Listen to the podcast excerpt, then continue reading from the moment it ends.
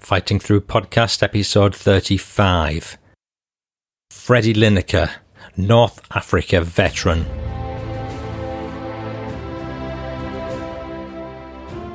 More great unpublished history. We did anything to get a couple of days sick. They used to put the, the finger, they used to put the finger on the line and let one of the lads hit it with a hammer to break it. I. The sister came down. Oh, uh, religion, you see, well, Italian, Catholic, which I am, obviously, I wasn't lying. But uh, I thought that's a good, I'm, I'm right here, you see. So I said Catholic, but that was naughty because.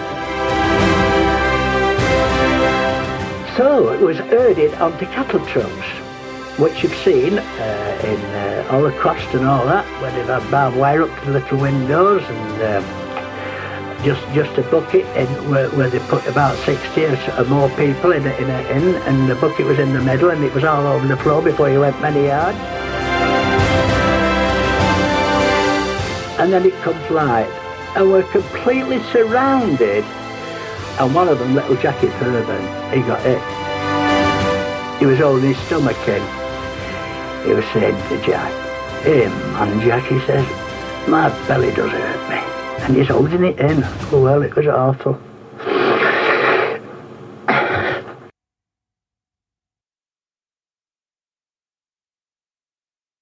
Hello again, I'm Paul Cheall, son of Bill Cheall, whose World War II memoirs have been published by Pen and Sword in Fighting Through from Dunkirk to Hamburg.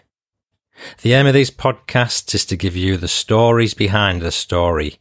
You'll hear memoirs and memories of veterans connected to Dad's war in some way, and much more. Hello and a very warm welcome. Today we're going to hear about the War of Infantryman Freddie Lineker it relates to the period around 1942 when Dad's 50th Division were firmly on their back feet, being beaten up somewhat by the Germans. There's even a new book about that period called The 50th at Bay by Barry Barnes. Freddie saw some tough times during the fighting before being taken prisoner when he saw some even tougher times. My goodness, you'll hear all about it soon. Now I believe I've got a new group of listeners. The opening of a new battlefront in North Africa in June 1940 meant that the island of Malta became a crucial stepping stone for the Allies' ships and aircraft in the Mediterranean Sea.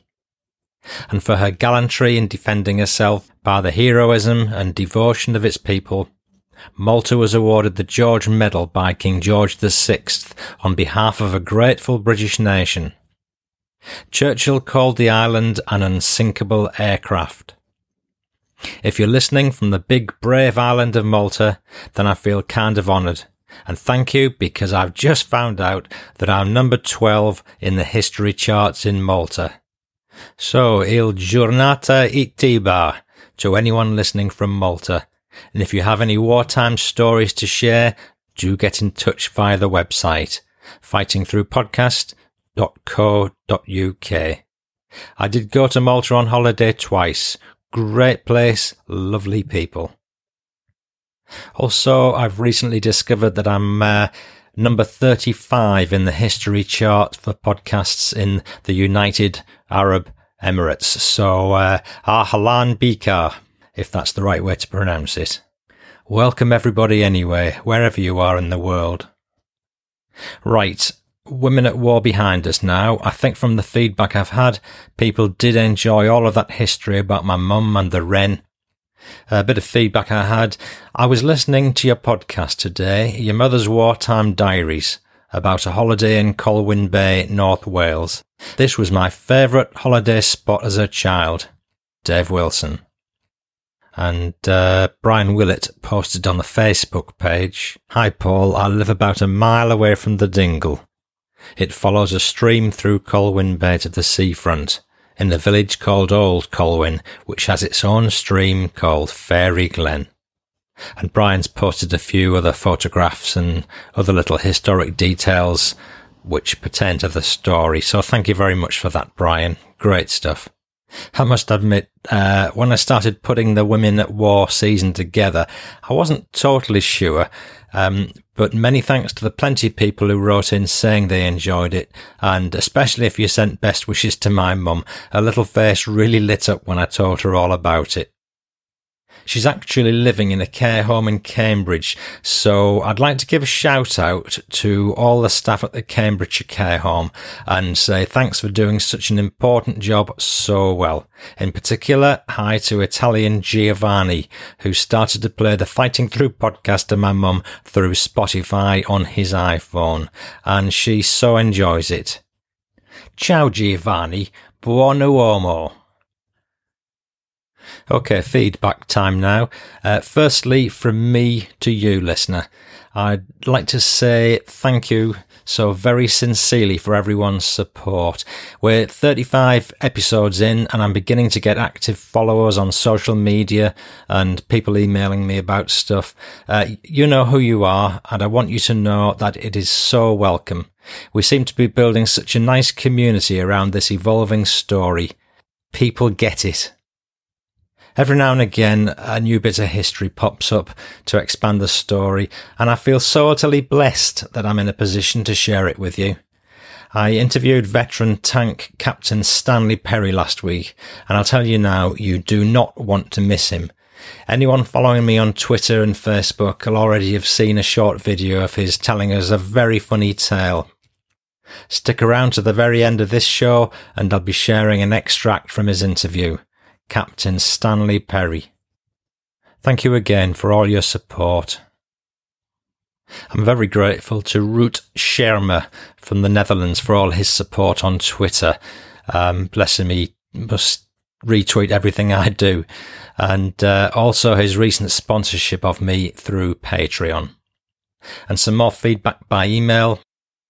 What a treasure trove of undocumented history you've unearthed. Truly a testament to the young men who went in to teach Jerry a lesson. A truly condensed piece of history where joy, terror, elation, and all in between happen in the space of minutes. Thanks again. Baudouin Duivestinchen. Many thanks to Arnold Howard from Mesquite, Texas, who said such nice things about me and the show. Arnold, you made me feel very humble. Arnold added, I spoke to a crew member of a Sherman tank years ago. On Iwo Jima, he saw a Japanese soldier try to place a wooden box of explosives on top of the tank ahead of theirs. Someone killed the soldier with machine gun almost the instant he appeared. Okay. This is an interview with Freddie Lineker, a veteran of the British Durham Light Infantry, conducted a few years ago by the North West Archive. Wilf Shaw gave me a copy and it's about a tough period in the war around 1942 in the Battle of Gazala not the Battle of Gaza, as I mistakenly said in a previous episode. So you can have a laugh on me at that if you wish. I've got broad shoulders. But not so funny is the state of the fighting during that battle, in which massive numbers of British troops were killed or captured. This episode focuses particularly on Freddie's experience as a POW. Dad wasn't in that battle, but he recounts talking to one of the few survivors. It's 1943 and Dad's just arrived in Tunisia, sailing from England on the Queen Mary before an overland journey from Egypt.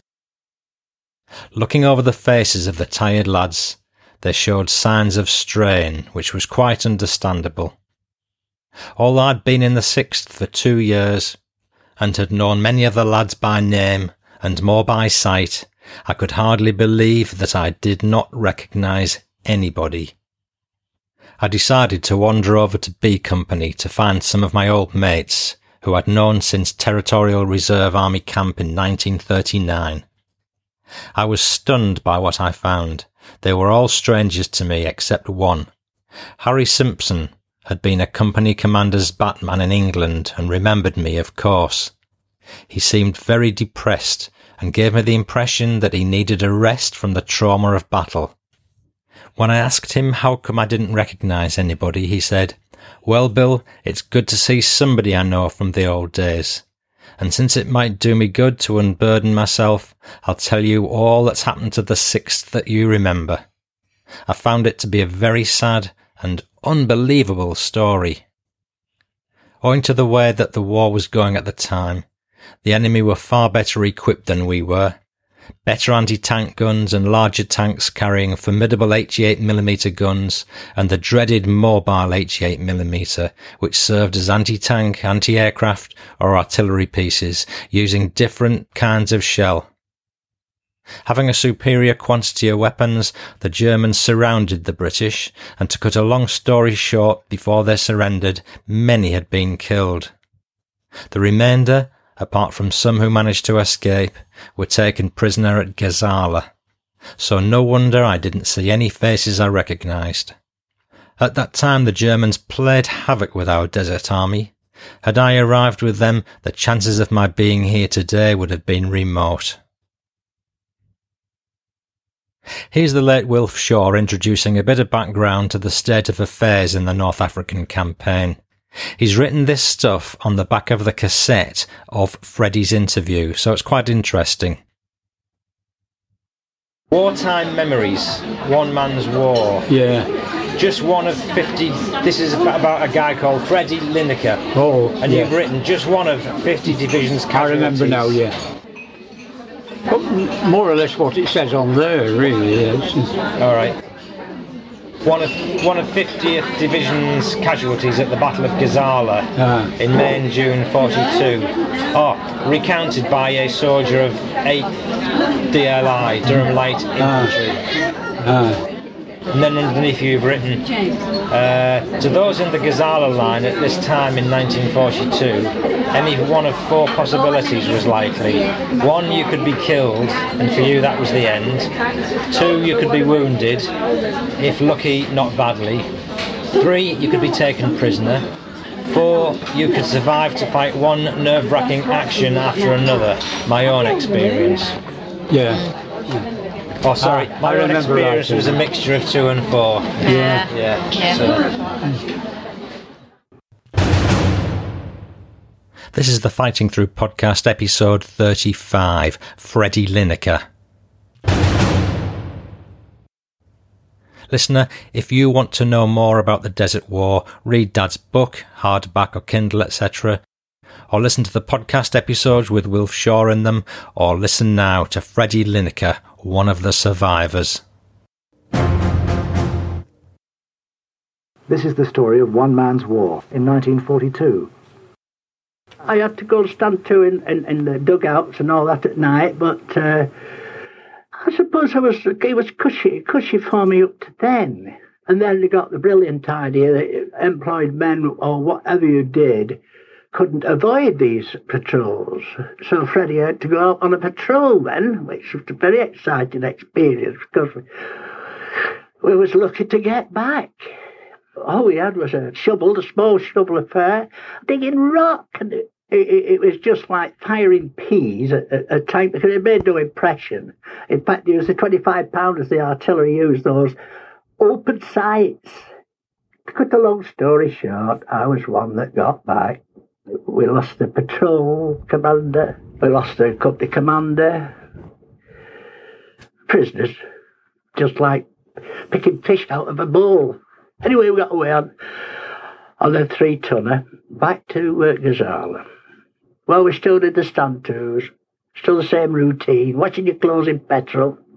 Marvellous thing to wash your clothes in, except for the fact that after a few washes, it just disintegrated, closed it. The uh, Red Cross, Church of Scotland, Sally Ann, Salvation Army came up. Even the Salvation Army had, had let you have bottles, uh, cans of beer, so that was a, an event in itself, wasn't it? Uh, and and, and uh, cigarettes and whatever like that. It, it, but he was there. Uh, uh, nobody else was at front of you. He was there, you see. And there was all this buzzing going round, round, here, round, about May, the end of May. All this buzzing was going round that he was going to have another batch at us, you see. And did he? Oh, yes. And there's Gazala, there's Tobruk. He came round like that and made for Tobruk. At the same time, he cut the supplies off. So what happened to you? So he just sat in a box then. We have the we have the order Dempsey was the general then, you know, he got sent back home for this. 80,000 of us went. The order then was that we had to evacuate. So we don't evacuate rear ways, we evacuate forward ways. Well, Freddie again is, is thinks he's very lucky. He's on a truck with the food and the uh, bits of ammo and all that with the colour sergeant, because the colour sergeant is the He's the uh, paymaster, the food master, is the lot, you know, Jackie Hudson was, and a couple of other blokes. And we was on this truck, uh, dead of night, we're going out there. And then it comes a time when we have to get through this line of, of call it the enemy, to get out. Well, we hadn't got, oh, a couple of hours. Anti-tank shell went through the engine of our vehicle there's trace you could see them, uh, you know, the traces going backwards and forwards, and so you're firing at this, you don't know the hell you're firing at, it's a bit black. And then it comes light, and we're completely surrounded, completely surrounded, and one of them, little Jackie Fairbairn, he got hit. And I'll always remember him. He was holding his stomach in. And you know, they talk he's a Geordie he was saying to Jack, he, he says, hey man, Jack, he says, my belly does hurt me. And he's holding it in. Oh, well, it was awful.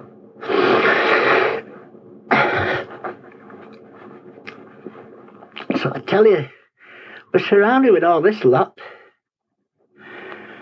And they pick us off then.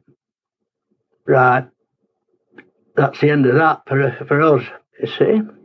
He come along, take your range, your watches. He took me wedding ring. He just bought me for the when we got married.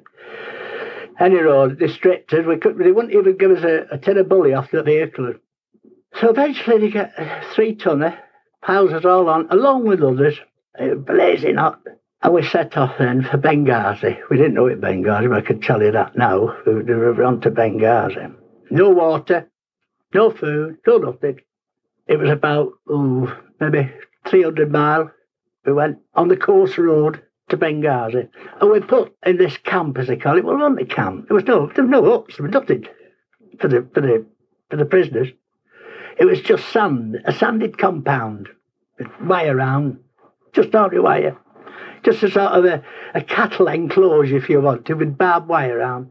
And you just slept where you was. If you got, if you'd managed to keep your all your gear, and something to lay on, such as your water sheet, you might lay on that on top of the sand. And out of the sand, jumping up and down was fleas. Toilet facilities was a big hole, and inside that toilet at the bottom was what they call beetles that was as big as, as that. We, we, we got a soup there which was just floating greens on top of water. Well, we were there a few days, and then I got acute dysentery was running away into the sand. And I couldn't get up. And of course, they had the roll calls. You had to get up, get in a line, bunches of fours or fives, counted. Then they can't count. You have to count you again. Anyway, I couldn't get up at the finish. And an East Yorkshire lad, Ernie Walkup, who's now dead and gone, he, he picked me up and took me to the ITAS and said, I want the medical attention, you see. Blood coming, blood, you name it, everything.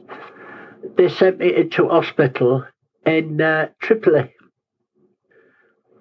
And without a word of a lie, the excrement on the floor there was anything between three and four inches deep. And we was in bunks, double bunks, and I was on the top bunk. And if you could, you, obviously, we couldn't get to the toilet in time, and their toilet was just all in the wall, like they are on the continent, a lot of them. And the medical treatment was bismuth tablets.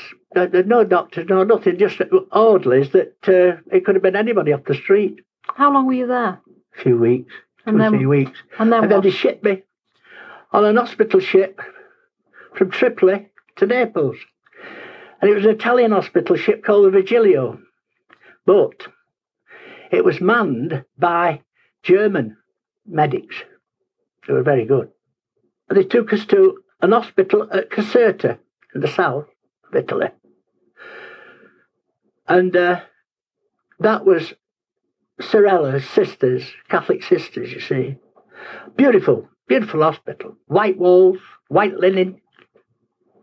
But you couldn't sleep. Couldn't sleep in the bed. Why? Bugs at night. So those that could get out of bed slept on one of the few forms down the middle of the between the beds. Those with one leg or walk, they just had to lie there, bitten to death, folks. So from there, they put us on hospital train. And we went up to an hospital which was run by a British medical officer out the Royal Medical Corps at Bergamo. Well, after experiencing all this, uh, you see, learning a few tricks, they came round to register us in this one and they said, uh, the sister came round, oh, uh, religion, you see, well, Italian, Catholic, which I am, obviously, I wasn't lying. But uh, I thought, that's good, I'm, I'm right here, you see. So I said, Catholic. Oh, yes, good. Ah, but that was naughty because he used to have you up every morning at five o'clock to go to Mass. eh? Which wasn't a good thing, was it? And it went so far, if you was a Catholic with one leg on, up, they used to come with a stretcher and take you. When you finally recovered uh, and left... That was in March 1943. What happened then? I was sent to PG 73, uh, a prisoner of war camp in Italy, northern Italy, you see. Well, that's went on. We used to do walks and play ball games in the what's it? They had a concert party, they had um, a library.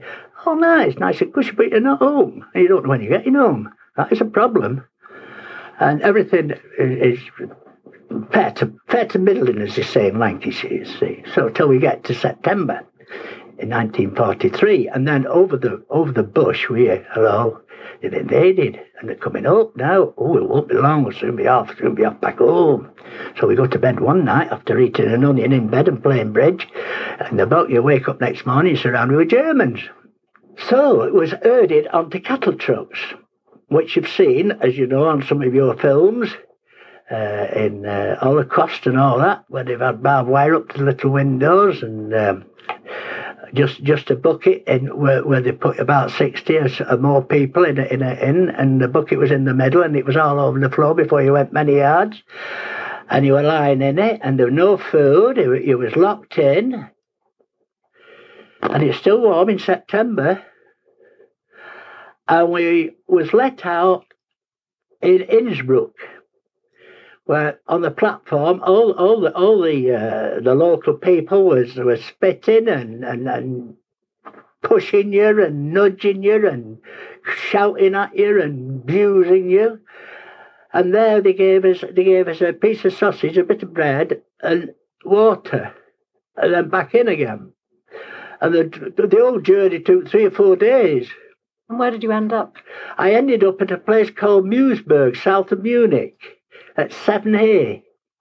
And that was a, a, a transit camp for all for all prisoners of war. It just went there for two or three days. Then they shipped us to the famous one, which is 8B, Lamsdorf. That was a prisoner of war uh, camp in the First World War, and after that, it, the Germans used it for a training camp. Uh, and there you do you go you go through the routine. No no way. You were aroused. You was numbered. He was photographed. He was put in a hut. He was put on a worksheet. Within a few days, I was transported again to Obersilesia in Poland to my first work, which was down a condemned pit work, coal mine. I stayed there and we was transferred then to a huge mine at Beuthen, which is now called Bytom, and it was 1,600 metres deep I, I, I, worked on in a metre seam. Now, the hours of work, 6 to 2, 2 to 10, 10 to 6. But if you was on the 6 a.m. shift, they got you up at 3. And by the time they counted you and given you coffee, that's all, Ersatz coffee, which is uh, imitation coffee, and you was taken to the to the to the bathhouse, and you pick your lamp, and you got a pair of old overalls that was falling to pieces. Then you was taken to the pit head, handed over to a civilian, and taken down, and all counted each time you you met. So by the time you got to the bottom, and you'd walk to your face or to the seam you was working on, it was six o'clock. Oh, when we had one day off a month, we paid, made a uh, we, we was paid a mark a day, lagergeld as it was, uh, which uh, uh, about a month's pay bought you bought your razor blade. You follow. Then you had a month, uh, you had a day off a month, a Sunday. I always had it on a Sunday, uh, in between shifts, so that it didn't disturb the shift system. Where you'd allow, so you hung all your blankets so all the fleas could come out and the lice. And we used to, that was the day off, was sitting on the step if it was nice with your vest off, going down the seams, cracking lice. What was the spirit like amongst you? So well, you see, some some well, some took it quite well, but there, you see, when you were with all men and, and, and, and they're waiting for mail, they're waiting for mail coming from home, and one of them gets a letter. Say, many of them got letters like that, and I'm I'm going up with my head in the air. I don't get letters like this. They've left them. They can't wait for them. They've seen somebody else. Uh, they, they, if they can't bank on them coming home, they're not wasting their lives. And this, where you're caught and you don't know when you're coming home, it's not like being in Strangeways. You've got three years. You know you're doing your three years or two with good remission. There, you don't when you'll ever come home again. We did anything to get a couple of days sick. They used to put the, the finger, they used to put the finger on a line and let one of the lads hit it with a hammer to break it. I cut my leg, cut my leg open purposely. And um, of course, you get all these tips. Some are crazy, and otherwise they said rub coal in it. Oh, it'll make it, it'll make it, be- it'll be a beauty that. I rub coal in it, and coal's the best healing thing you could ever put on. Because it's, it's it's up the trees, isn't it? It's an healing factor. All I finished up with was a black mark. you see? So then I do it again. And then they said, try this. And of course the lamps was like the old carbide lamps, the acetylene with the powder in, and you poured water on, it created the gas that gave you the light. I rubbed, I rubbed carbide. And that bubbled up beautifully, all sore and, and whatever. So I go sleep with it. Now I get three days after that. Did anybody try to escape? Not in Poland. Where? Where do they go? In Poland. Because if they go in Poland, they are the, the, Russians are coming at, at, at the other side. They didn't want to go to Russia. So on January the 21st, 1945, they're knocking at the door. It's the Russians coming in from the east. You see? So we're all outside. And they set us off on the march. And we marched all night, and it was perishing. Even your breath froze. Then we was daily marching. Anything 15, 20 miles. And at night time, no parcels, no extra food. Stop at a farm. Put you in the barn for the night. Now, you could go out and scrounge if, if you got a turnip or a, a beet or whatever. Uh, get a fire going. I was seven stone when I come back. On the road, I want to tell you, by the time we towards the end, we was going one foot forward and two back. And if you dropped out to, for toiletries or whatever at the side, if you didn't get up, it was left. And they shot some of them, and we were passing, we were passing piles of them, especially the Russians, when they were just frozen stiff like this. And you couldn't afford to help somebody who dropped because you were on your knees yourself. I finished up with no boots. I, was, I just had rags, a part of my blanket round, round my feet. You started your march in January. When did you finish? I finished on the at the end of April, about the 30th of April, at a little place, uh, just a little village, but I know it was close to Landshut in Bavaria. And what then? Well, they left us there. They just disappeared. And within within a matter of hours, the American Third Army, Patton's Third Army came. Right, they come along. Very sorry, but they can't do nothing for us. You just do what you want. Go wherever you want and get what you want. Say, oh, well, that, that was an open check, that wasn't it?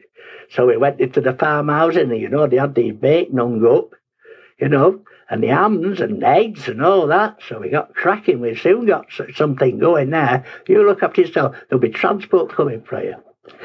So that's what we did. And the three tonners came, and then they took us to the outskirts of an airfield at Regensburg. And the airfield was where they used to t- test flight the uh, the ME 109s, the Messerschmitts and that. And they're the same performance. Uh, register yourself in, and then do what you want. But keep your eye on the board in, for departure, you see. So we went out scrounging again. Here, there, and everywhere. And then the day came, well, Freddie saw his name up there, and uh, they put us on the Dakota, the old Dakota, and they flew us to Reims in France, which was a transit camp, an American, American kitchen. Open 24 hours a day, no less. the queue, God love us, miles long. So we attached ourselves to this queue and filled up and attached herself again, and it was a merry, it was a carousel. And you talk about food, no danger. That was really detox. We stopped there, say a couple of days, and then they put us in a Lancaster bomber, in the bomb space of a Lancaster. And they flew us to Tring in Hertfordshire. And immediately the doors opened, and we stepped out on the. You feel great, you know. No, no messing. Talk, these people talk about winning the pools. Nothing on the way I felt that day. Nothing. And we get out, we tread on the old grass there, and straight away the nurses come up, the medics, with all the delousing powder down your trousers, under your arms, and you name it, every place, they, every crevice they could find, because you was you was walking. He was walking. You, you could see your clothes moving with them. And then they bundle us in, uh, showered, new uniform, feed, 42 days compassionate leave, and a warrant for the train, and zip back to Manchester, and straight in the house. Then, and that was, it was, uh, it was uh, 1945. It was the 9th, round about VE Day. VE Day. And then, after the after they give us this famous uh, six weeks, the army decides they might get a bit more out of you. So they send us down to down to Buck, Buckinghamshire, near Amersham, to see whether you're, you're a full shilling after all this lot. You see, they, they, they, give you a bicycle pump in pieces, say, put it together again if you've got the cocoa, you know and then they, they, they, give you uh, they give you a lock off a door and say put that back so that you can use it again, as if you're mad. And then then they took you out on uh, little runs. We went on a five mile run after eight, a five mile run after coming back from that. I didn't want to run again. I didn't, so to see whether you're fit. So eventually, after all this famous, all this famous psychiatry and whatever, to see whether he was all there, they decided that I went away A1 and came back C3.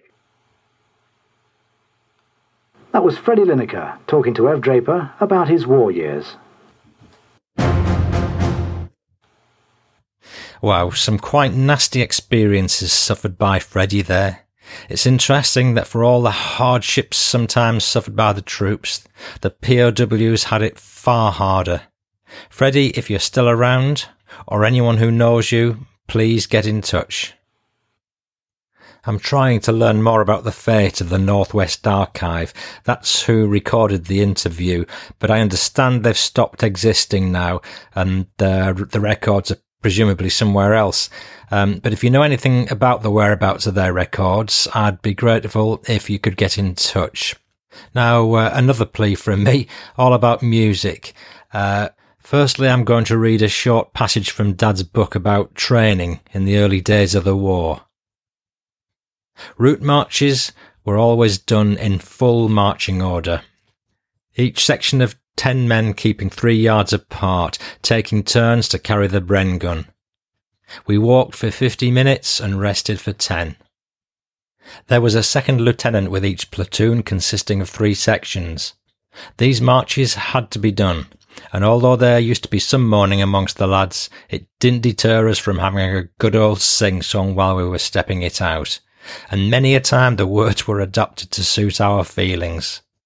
It was no use being miserable because we knew the job had to be done, and we were rapidly becoming fitter and stronger than we'd ever been before.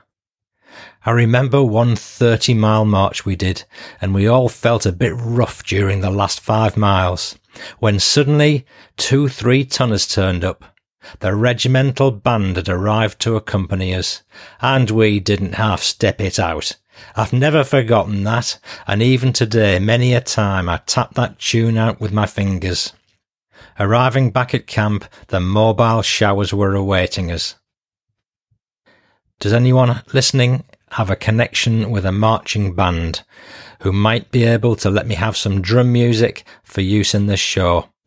You know the sort. It thunders out a great drum march with bangs, booms, rat-a-tats and beats as they march down the street. So proper rousy, rousing army march drumming. I've looked everywhere for some and I can't believe I've drawn a blank. Even the so-called royalty-free music websites were no good. Um, I just want to use it occasionally on the show, and in return, I'll give you loads of shout outs on the show and links on the website, etc. Uh, at some point, I want to re record the story of Rufty Hill, whom you may remember was drowned on D Day, and he was a member of his regimental band. And I want to play what I'm calling Rufty's Riff in tribute to him and his pals, who were all killed in action except one, Bill Vickers. Episode 25 tells their brave story. So, Rufty's Riff, do you know anyone who can play it? Please get in touch. Thank you. Next episode. Captain Stanley Perry was a British tank commander in the Sherwood Rangers during World War II. He fought in Normandy right through to Germany. He was wounded several times and shot several enemies, sometimes at close quarters. I spent nearly three and a half hours with him recently, and what a time well spent it was.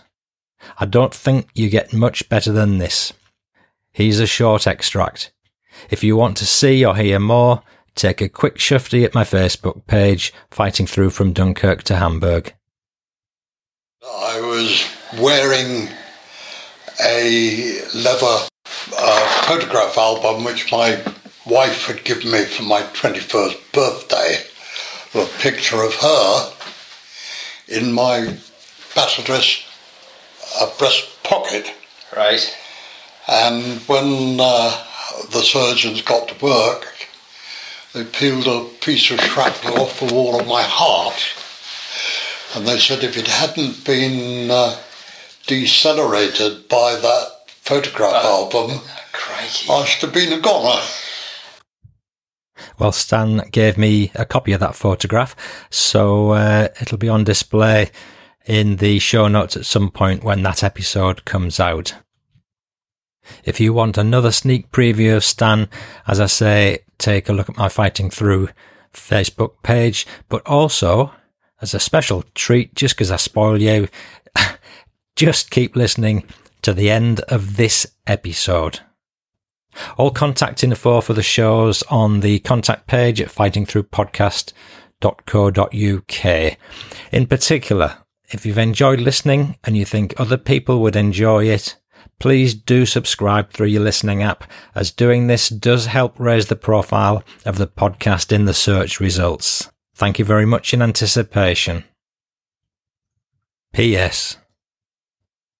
Around September 1940, a considerable act of bravery by auxiliary fireman Harry Errington led him to becoming the only firefighter to receive the George Cross during the Second World War. Just before midnight, a bomb virtually demolished a three-story garage, the basement of which was used as an air raid shelter by fire service personnel. The floors caved in and 20 people, including six firefighters, were killed outright. Harry recovered consciousness and upon escape rescued one of his colleagues and saw another trapped underneath a radiator. He returned to rescue the second man, despite his hands being badly burnt, and the building due to collapse at any moment. All three men were seriously injured, but thanks to Errington's bravery, they were all returned to duty. Born in Westminster in 1910, he first trained as an engraver and later as a tailor. When war broke out, he volunteered at a station on Shaftesbury Avenue, near the business where he worked. Harry was later active in basketball administration, particularly during the London Olympics of 1948 and he served as treasurer of the Victoria Cross and George Cross Association until 1990. His George Cross is on display in the collection of the Jewish Museum London. Harry was asked into the station to celebrate his 90th birthday in 2000. The Red Watch presented him with an engraved tankard and copious amounts of birthday cake. The firefighters remarked that Harry was still as razor sharp and fit. Harry Errington, GC, died in London on 15th of December 2004. If you want to hear more stories about high profile or unusual incidents attended across London, search for London Fire Brigade. They have a Facebook page as well as a Twitter page. And listener, we haven't had one of these for a while, but I'm about to award the latest How Good Is That award to the London Fire Brigade for keeping Harry's story alive. So, how good is that? And just to reward you if you've stuck this out right to the end, here's another little extract from Stan's interview coming to a podcast player near you very soon. So, if you want to support the show and you don't want to miss Captain Stanley Perry, Tank Commander, please subscribe. Now, thank you. Mine's a bit worse because I have a shower of uh, bits of shrapnel down my left chest, and uh, I have difficulty at airports Oh, going through. I can't have uh, an MRI scan. right, because you, yeah. Um, uh, well, the radiologist said, "You- "You'd blow my machine up." I said, "Bigger than it, blow my bloody chest up." So, so learn soon how Captain Stanley P got all his injuries. I'll give you one clue, Morning Mini. And we'll be hearing literally a blow by blow account from Stanley himself as to how it all came about. Thank you for listening. Thanks for your support. Please do hear me next time. Till then, I'm Paul Cheall saying ta ta for now.